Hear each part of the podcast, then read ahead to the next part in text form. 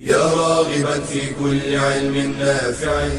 ينمو العلم ويتقدم بتقنياته ومجالاته ومعه نطور أدواتنا في تقديم العلم الشرعي. أكاديمية زاد. زاد أكاديمية ينبوعها. صاف صاف ليروي غلة الظمآن.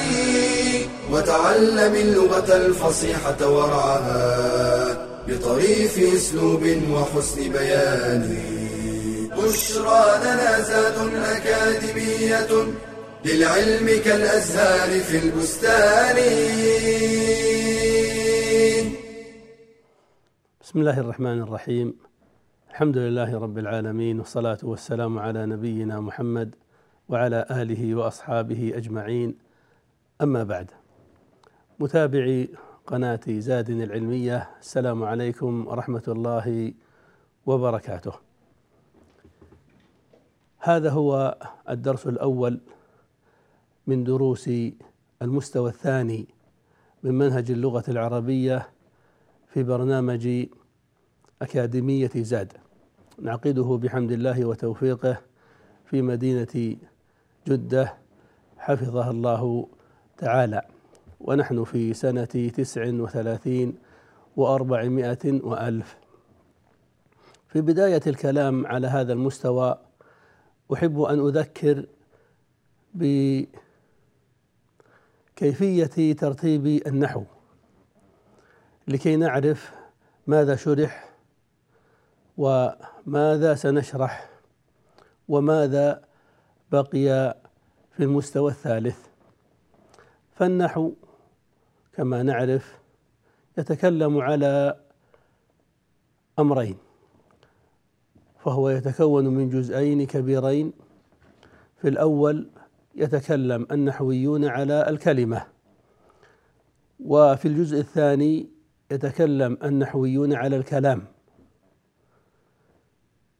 فالجزء الأول الذي يتكلم فيه النحويون على الكلمة يعقدونه ويرتبونه في ثلاثة أبواب. فالباب الأول في أقسام الكلمة والباب الثاني في المعرب والمبني والباب الثالث في النكرة والمعرفة. ففي الباب الأول أقسام الكلمة يتكلم النحويون على أن الكلمة تنقسم إلى اسم وفعل وحرف. فيبينون المراد بالاسم والمراد بالفعل والمراد بالحرف ويبينون كيفية التفريق بين هذه الأقسام.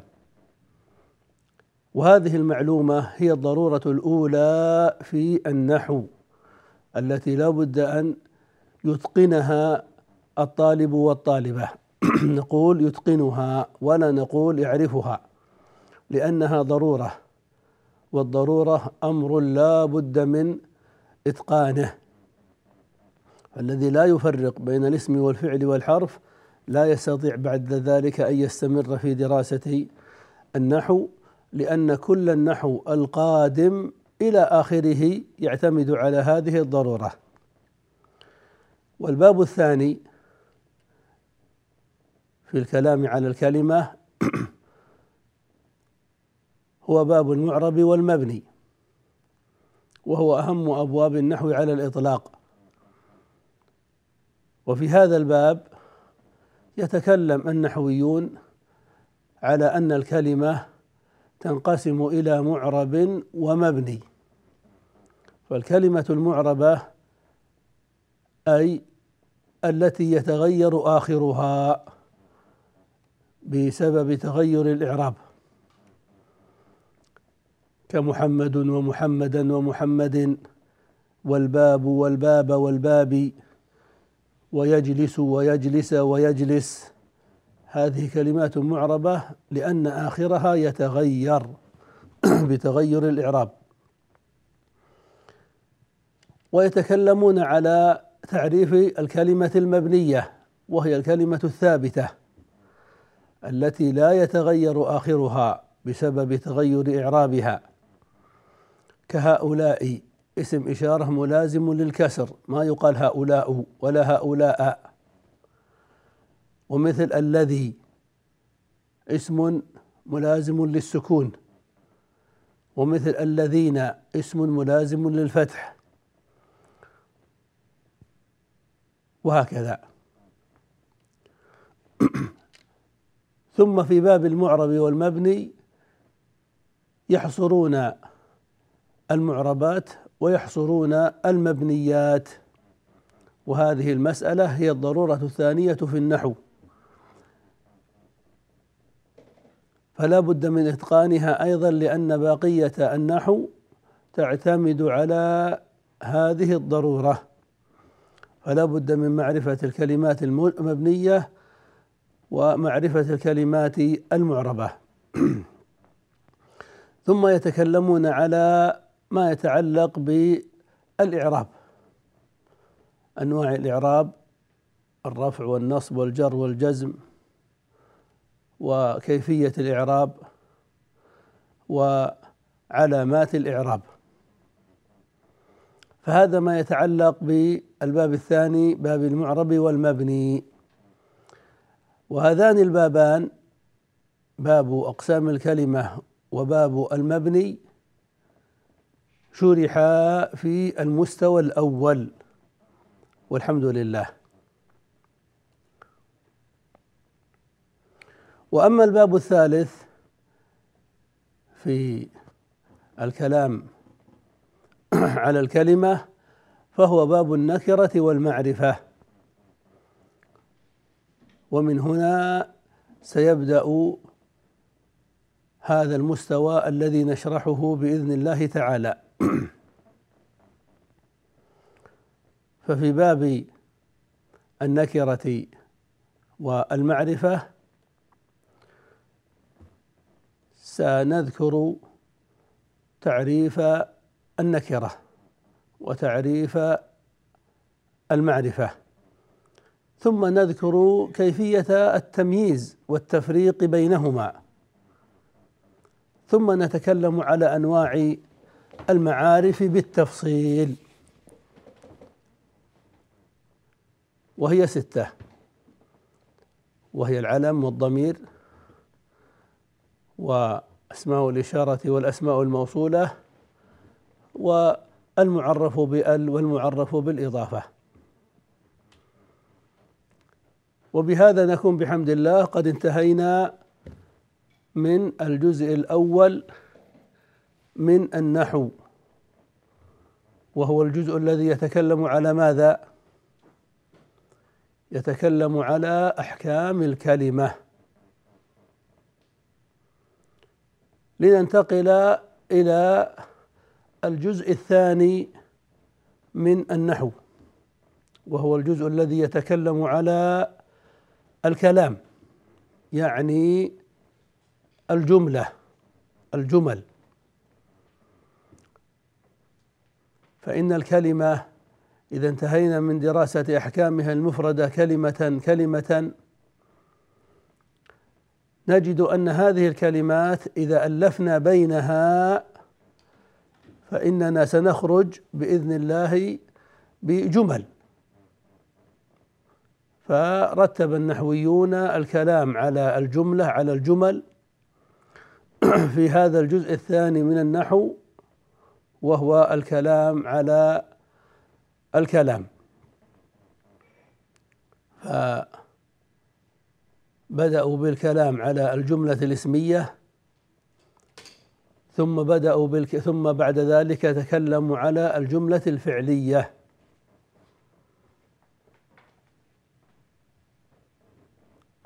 فالكلام على الجملة الاسمية داخل في مستوانا بإذن الله تعالى وبنهاية الكلام عليه ينتهي هذا المستوى.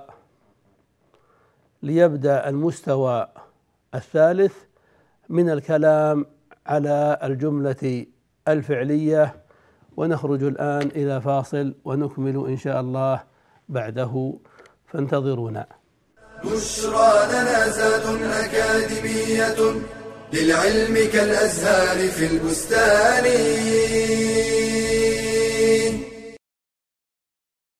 هل كرم المرأة أحد مثل ما كرمها الإسلام؟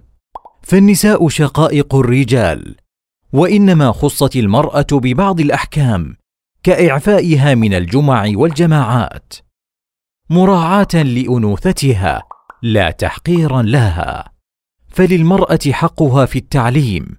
وقد خصص النبي صلى الله عليه وسلم درسا لتعليم النساء. ولا يمنعها الحياء من طلب العلم.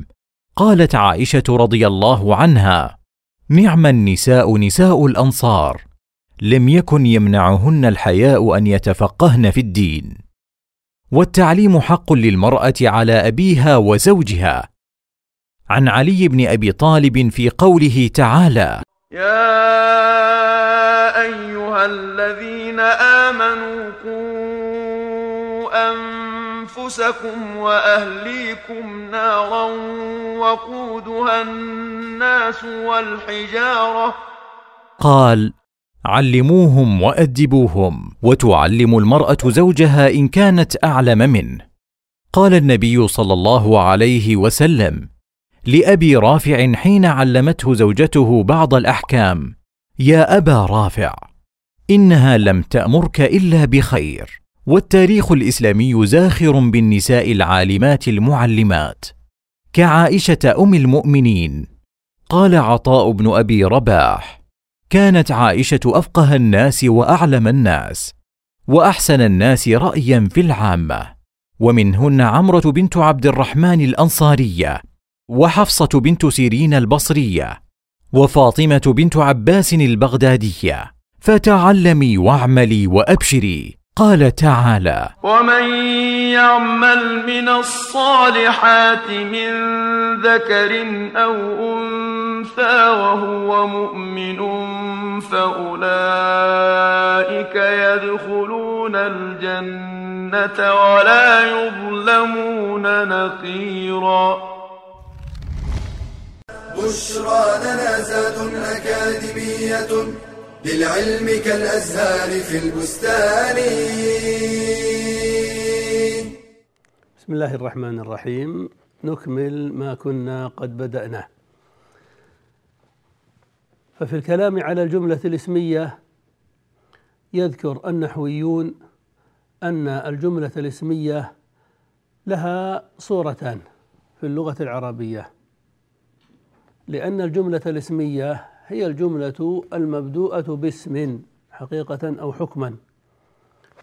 كمحمد كريم والعلم نافع والله عظيم.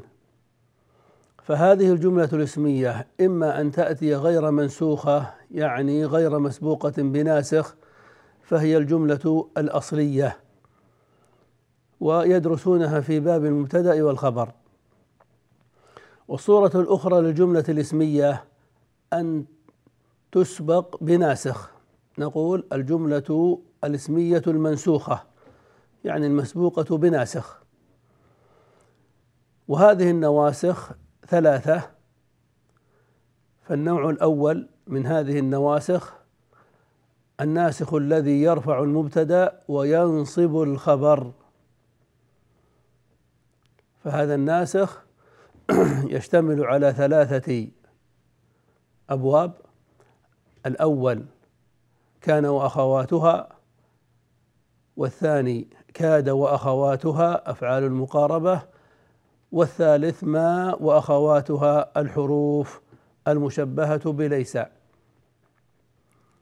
وهذه تدرس في أبوابها. والناسخ الثاني الناسخ الذي ينصب المبتدأ ويرفع الخبر يعني عكس الناسخ الأول. وهذا يشتمل على بابين الأول إن وأخواتها والثاني لا النافية للجنس. فكلاهما يعملان هذا العمل. والناسخ الثالث هو الناسخ الذي ينصب المبتدأ وينصب الخبر. ويشتمل على باب ظننت وأخواتها أي أفعال القلوب وأفعال التصير. ثم يكمل النحويون الكلام على الأفعال التي تنصب مفعولين بالكلام على الأفعال التي تنصب مفعولين ليس أصلهما المبتدأ والخبر لأن ظننت وأخواتها تنصب مفعولين أصلهما المبتدأ والخبر. فيتكلمون بعده من باب إكمال المعلومة على الأفعال التي تنصب مفعولين ليس أصلهما المبتدأ والخبر. وهذا هو آخر منهجنا في هذا المستوى بإذن الله تعالى. وأما الكلام على الجملة الفعلية وبه يبتدأ المستوى الثالث بإذن الله تعالى فإن الجملة الفعلية لها في العربية أيضا صورتان. فالصورة الأولى تتكون من فعل مبني للمعلوم وفاعل. وهذه تدرس في باب الفاعل. والصورة الأخرى تتكون من فعل مبني للمجهول ونائب فاعل. وهذه تدرس في باب نائب الفاعل. فانتهينا من الكلام على الجمل بنوعيها الاسمية والفعلية. لينتقل النحويون بعد ذلك إلى الكلام على ما يسمونه المكملات. يعني أن الجملة الاسمية تتكون من ركنين كما عرفنا وهما المبتدأ والخبر منسوخين وغير منسوخين والجملة الفعلية تتكون من ركنين كما عرفنا من فعل فاعل أو فعل نائب فاعل. هذه الأركان في الجمل. بعد الأركان تأتي ما يسمى بالمكملات التي قد يأتي بها العربي لزيادة المعنى إن أراد. وهذه المكملات في المنهج الذي سنشرحه تنقسم إلى قسمين. الأول المكملات المنصوبة والقسم الثاني المكملات المجرورة. فالمكملات المنصوبة ستدرسون فيها بإذن الله تعالى المفاعيل الخمسة وهي المفعول به والمفعول فيه ظرف الزمان وظرف المكان والمفعول لأجله والمفعول معه والمفعول المطلق. هذه المفاعيل الخمسة. ثم تدرسون الحال والتمييز والاستثناء. فهذه هي المكملات المنصوبات. وأما المكملات المجرورات فهي نوعان. الأول المجرور بحرف الجر والثاني المجرور بالإضافة وهذا آخر المنهج في هذا المنهج الذي ستدرسونه بإذن الله تعالى في هذه الأكاديمية. فبذلك تعرفنا بإذن الله تعالى على الطريق الذي نسير فيه. فعرفنا ماذا قطعنا منه. درسنا بابين. الأول باب أقسام الكلمة والثاني باب المعرب والمبني. وفي هذا الفصل سندرس موضوعين كبيرين النكرة والمعرفة والجملة الاسمية.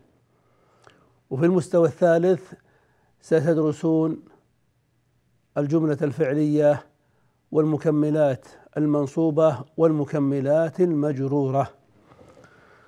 فنستعين بالله تعالى ونبدأ بالدخول في تفاصيل هذا المستوى المستوى الثاني. المستوى الثاني قلنا سنبدأ فيه بالكلام على باب النكرة والمعرفة.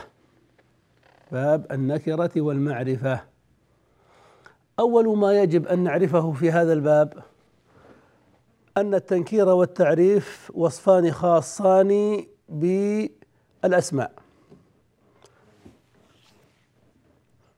كل الأسماء إما أن تكون نكرات وإما أن تكون معارف.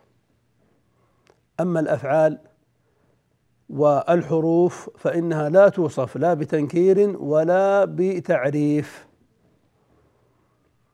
أما الأسماء فكلها لا بد أن تكون إما معرفة وإما نكرة. فكيف نعرف أن الاسم نكرة أو معرفة وكيف نميز بينهما. تمام. سنميز بين النكرة والمعرفة بثلاث طرائق.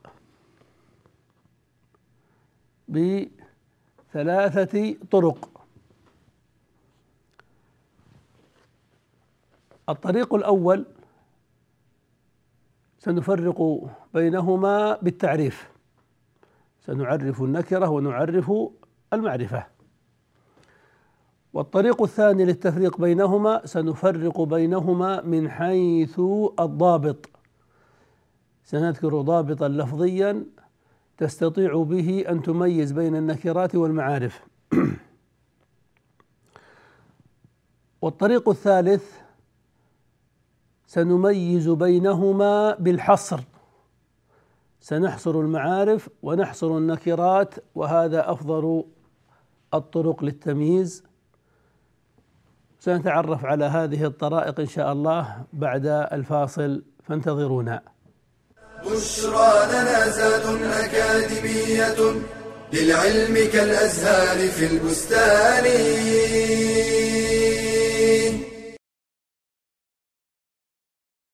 فرض الله حج بيته على المستطيع من عباده رجالا ونساء. قالت عائشة رضي الله عنها يا رسول الله على النساء جهاد؟ قال نعم عليهن جهاد لا قتال فيه الحج والعمرة. غير أن المرأة تختلف عن الرجل في بعض الأحكام فلا يجوز لها أن تسافر إلا بمحرم وإذا لم تجد المحرم فلا يجب عليها الحج. وتلبس في إحرامها ما شاءت من الثياب من غير تبرج إلا النقاب والقفازين. وتستر وجهها عن الرجال بأن تسدل خمارها على وجهها. ولها أن تحرم وهي حائض لكن لا تطوف حتى تطهر. فإن لم تطهر قبل يوم التروية أحرمت بالحج من مكانها. وصارت قارنة وأتت بأعمال الحج غير الطواف. وتخفض صوتها بالتلبية بأن تسمع نفسها ومن بجوارها من النساء أو المحارم.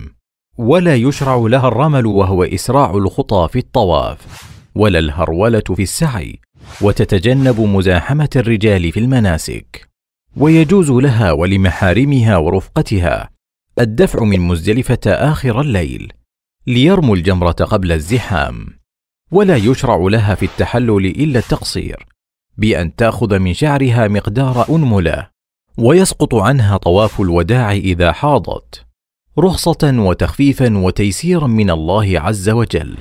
قال تعالى يريد الله بكم اليسر ولا يريد بكم العسر.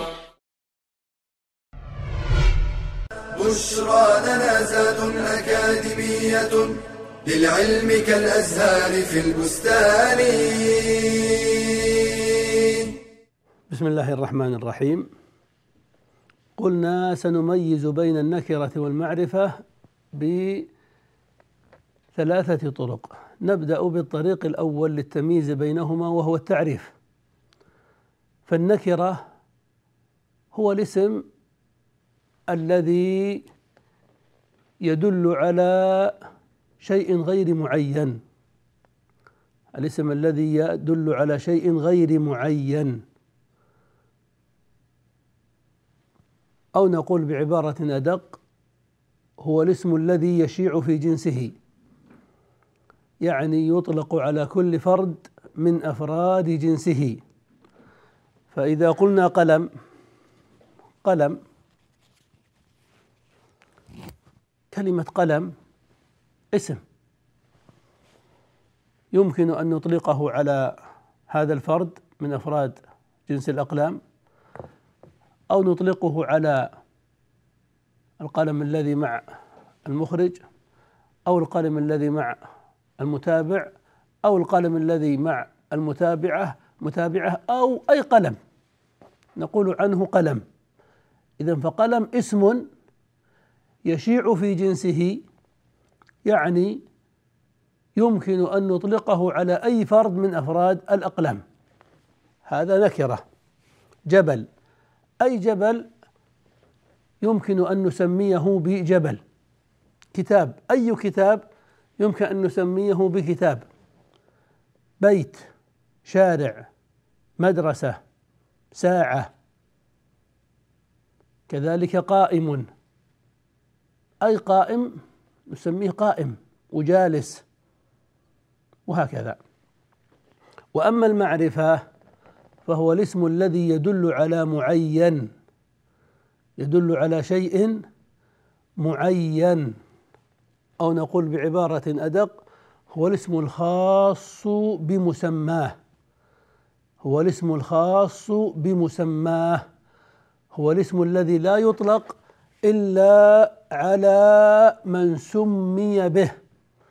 فلو كان هناك مسمى آخر يشابه هذا الذي سميناه بهذا الاسم في كل شيء ما نسميه بهذا الاسم لأن هذا الاسم خاص بمسماه. مثل أحد. أحد اسم لجبل من الجبال. لكن لو وجد جبل آخر يشبه أحد في الحجم ونوع الحجارة ما نسميه أحد. نسميه جبل نكرة. لأن أحدا اسم خاص بهذا الجبل. مكة. اسم خاص بهذه المدينة. أما مدينة نكرة أي مدينة تسمى مدينة؟ أما مكة فمعرفة. لو قلنا مثلا أنا أشرح لكم في هذه الأكاديمية. إذا قلت أنا هل تعينت لكم وعرفتموني أم لا؟ نعم. تحدثت لكم. عرفتم أن المراد بأنا المتكلم. فأنا معرفة لأنها حددت صاحبها. لو قلت لكم هذا قلم هذا قلم هذا هل عرفتم المراد بهذا؟ نعم المشار إليه. اذا فهذا معرفة لأن المراد به معين. أو قلت لكم مثلا قلمي قلمي. عرفت مباشرة أن أريد هذا القلم بالذات لا قلما آخر. اذا فقلمي معرفة لأنه دل على معين. وهكذا. فالنكرة كل اسم دل على غير معين أو كل اسم شائع في جنسه. وأما المعرفة فكل اسم دل على معين. نعيد فنقول المعرفة كل اسم دل على معين كأن يكون اسما خاصا بمس... اسما خاصا بمسماه أو دالا على متكلم أو مخاطب أو غائب أو دالا على مشار إليه أو مضافا إلى معرفة أو غير ذلك. ففرقنا بين النكرة والمعرفة بالتعريف. وأما الطريق الثاني للتفريق بين النكرة والمعرفة فهو التفريق بينهما بالضابط. الضابط المراد بالضابط هو شيء لفظي نطبقه على الكلمة. فإذا انطبق على الكلمة وقبلته الكلمة قلنا إن هذه الكلمة نكرة. وأما إذا انطبق ضابط المعرفة على هذه الكلمة وقبلت الكلمة ضابط المعرفة فنقول إن هذه الكلمة معرفة. وهكذا. فالضوابط هي أمور تقريبية سهلة أسهل من التعريف. فنستطيع أن نفرق بين النكرة والمعرفة بالضابط فنقول إن النكرة كل اسم يقبل ال. النكرة كل اسم يقبل ماذا؟ يقبل ال. والمعرفة كل اسم لا يقبل ال. ضابط سهل. فإذا قلنا مثلا قلم هذا الاسم يقبل ال أم لا يقبل ال؟ نعم يقبل ال. يمكن أن نقول القلم. إذا فكلمة قلم نكرة. وكذلك ساعة نكرة تقبل ال نقول الساعة. وكلمة قائم نكرة تقبل ال نقول القائم. وكلمة قيام عرفنا أنها اسم من قبل وهي نكرة. لماذا؟ لأنها تقبل ال نقول القيام. هذه نكرات لأنها تقبل أل لكن لو قلنا مكة شرفها الله هل تقبل أل؟ هل نقول سافرت إلى المكة؟ لا ما تقبل أل هذه معرفة ولو قلنا أنا مسلم هل كلمة أنا تقبل أل؟ تقول أل أنا مسلم ما تقبل أل هذه معرفة ولو قلت قلمي هل تقبل ال؟ هل نقول القلمي؟ لا معرفة طيب الآن انتبهوا لو قلنا القلم القلم هل قولنا القلم يقبل ال يعني هل يجوز أن ندخل ال على القلم فنقول ال القلم ال القلم. ما يجوز. ما نقول ال القلم. اذا فالقلم لا تقبل ال فهي معرفة. فكلمة قلم وحدها نكرة لأنها تقبل ال وكلمة القلم معرفة لأنها لا تقبل ال. هذا ضابط. والضابط الآخر للتفريق بين النكرة والمعرفة هو قبول حرف الجر رب رب. فكل اسم يقبل رب فهو نكرة وكل اسم لا يقبل رب فهو معرفة. فنقول رب قلم ورب ساعة ورب قائم. نكرات بس ما نقول رب مكة. ذهب اعتمرت فيها. أو رب أنا. فهذه معارف. طيب. والطريق الثالث وهو الأهم للتفريق بين المعارف والنكرات هو التفريق بينهما بالحصر. حصر النحويون بالتتبع والاستقراء المعارف فوجدوا أنها ستة وهي الضمير والعلم وأسماء الإشارة والأسماء الموصولة والمعرف بأل والمعرف بالإضافة. هذه ستة معارف. طيب ما سواها من الأسماء؟ نكرات ما سواها من الأسماء؟ نكرات وفي الدرس القادم بإذن الله تعالى سنتكلم على هذا الطريق وهو حصر المعارف والنكرات فإلى الدرس القادم بإذن الله تعالى. والله أعلم. صلى الله وسلم على نبينا محمد وعلى آله وأصحابه أجمعين. تلك العلوم دروسها ميسورة. في صرح علم الراسخ الأركان. بشرى لنا بشرى لنا بشرى لنا زاد أكاديمية للعلم كالأزهار في البستان.